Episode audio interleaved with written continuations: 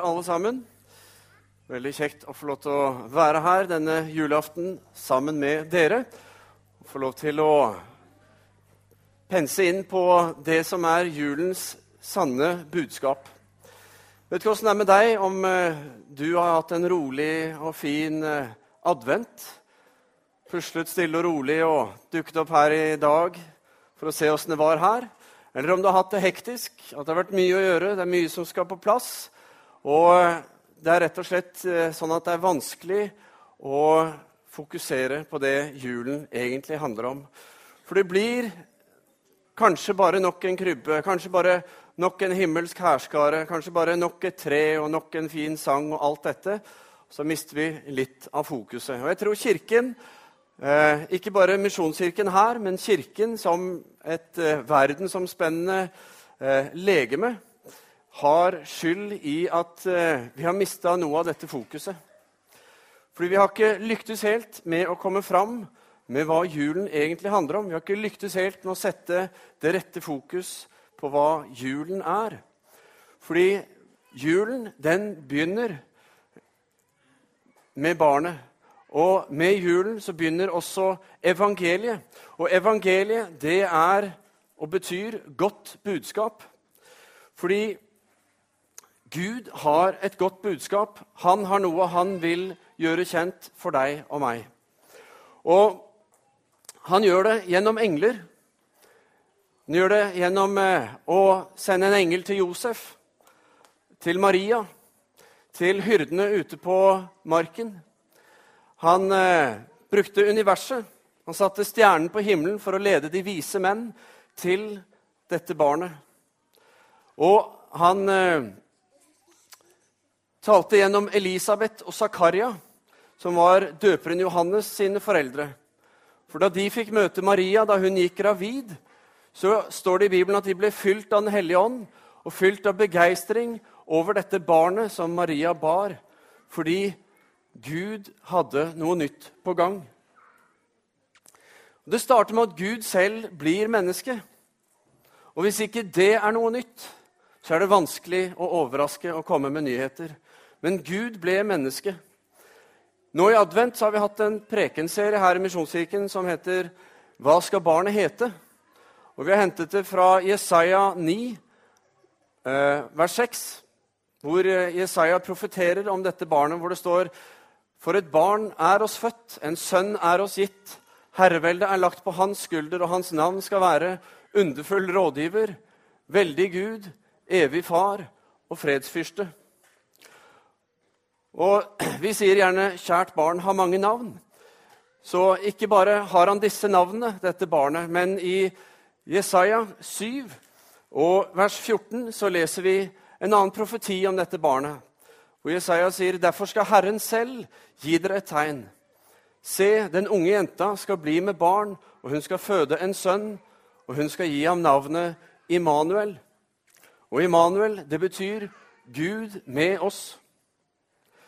Når jeg sa at Kirken ikke har lyktes med å formidle det sanne budskapet, evangeliet, på en eh, rett måte til mennesker, så handler det om det følgende jeg tror vi langt på vei har formidlet et budskap, formidlet en eh, kultur og en holdning i forhold til det som har med Gud å gjøre, og det som har med livet med Han.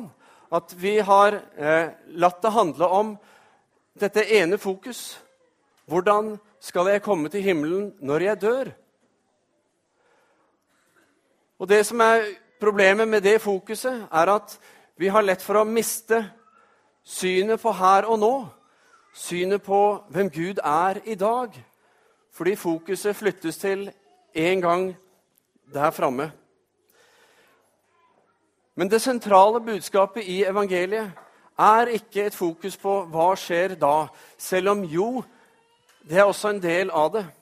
Men det sentrale fokuset, sånn vi møter det i Bibelen, som vi møter det gjennom Jesus, gjennom forberedelsene til hans fødsel, gjennom hans liv, gjennom hans død og oppstandelse, og fram til hva Bibelen sier om livet vårt i dag, så har fokuset noe annet, og det er dette Hvordan skal jeg komme til himmelen før jeg dør? Og det er noe nytt. Fordi Gud kom for å gi oss del i himmelen her og nå. For at fokuset skulle handle om hvem kan Gud være i ditt og mitt liv i dag, her og nå, og hvordan vil det påvirke våre liv? Og det er noe nytt. Fordi evangeliet om Jesus det er ikke bare en forkynnelse om et Guds rike som skal komme en gang langt der framme. Men det er en forkynnelse og en levendegjøring av et Guds rike som er tilgjengelig for deg og meg her og nå i dag. Guds rike er tilgjengelig for alle dem som tror, står det i Bibelen. Den er nært og til stede. Uansett hvem du er, uansett hva du har gjort, eller uansett hvor du skulle komme fra, så er Bibelens klare budskap, evangeliet, at Guds rike er tilgjengelig her og nå og er for alle.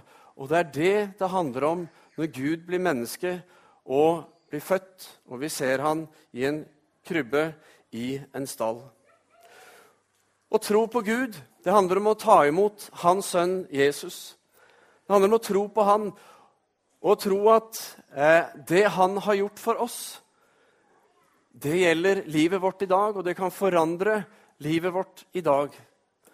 Å se at den nåden som han tilbyr, er den nåden jeg trenger for å få leve fullt og helt, fordi jeg klarer det ikke alene. Og ikke bare leve i det, men få lov til å formidle det videre. La mennesker få erfare hva det vil si at vi tror på en levende og nådig Gud som er her og nå i dag. Gud kom, og han ble menneske. Og han tok del i alt det vi er et viktig fokus i Nytestamentet.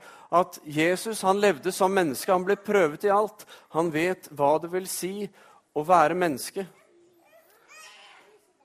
Og han kom av én grunn, og det var å ha fokus, ha fellesskap mener jeg, med deg og meg.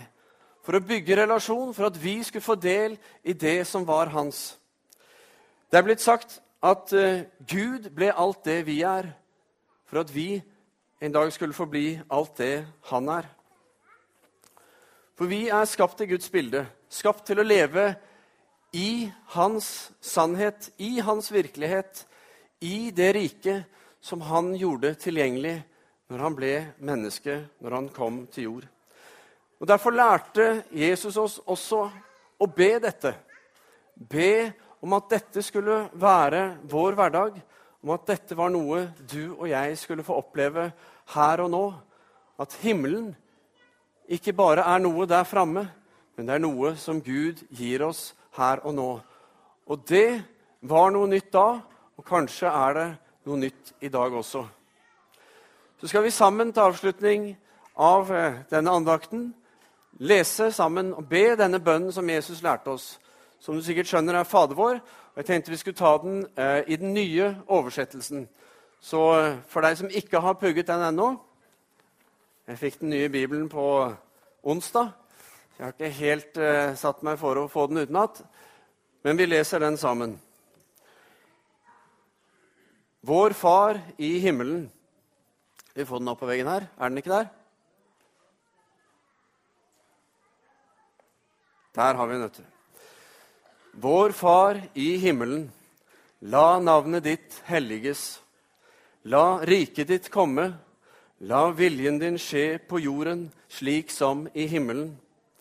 Gi oss i dag vårt daglige brød, og tilgi oss vår skyld, slik også vi tilgir våre skyldnere. Og la oss ikke komme i fristelse, men frels oss fra det onde. For riket er ditt, og makten og æren i evighet. Amen.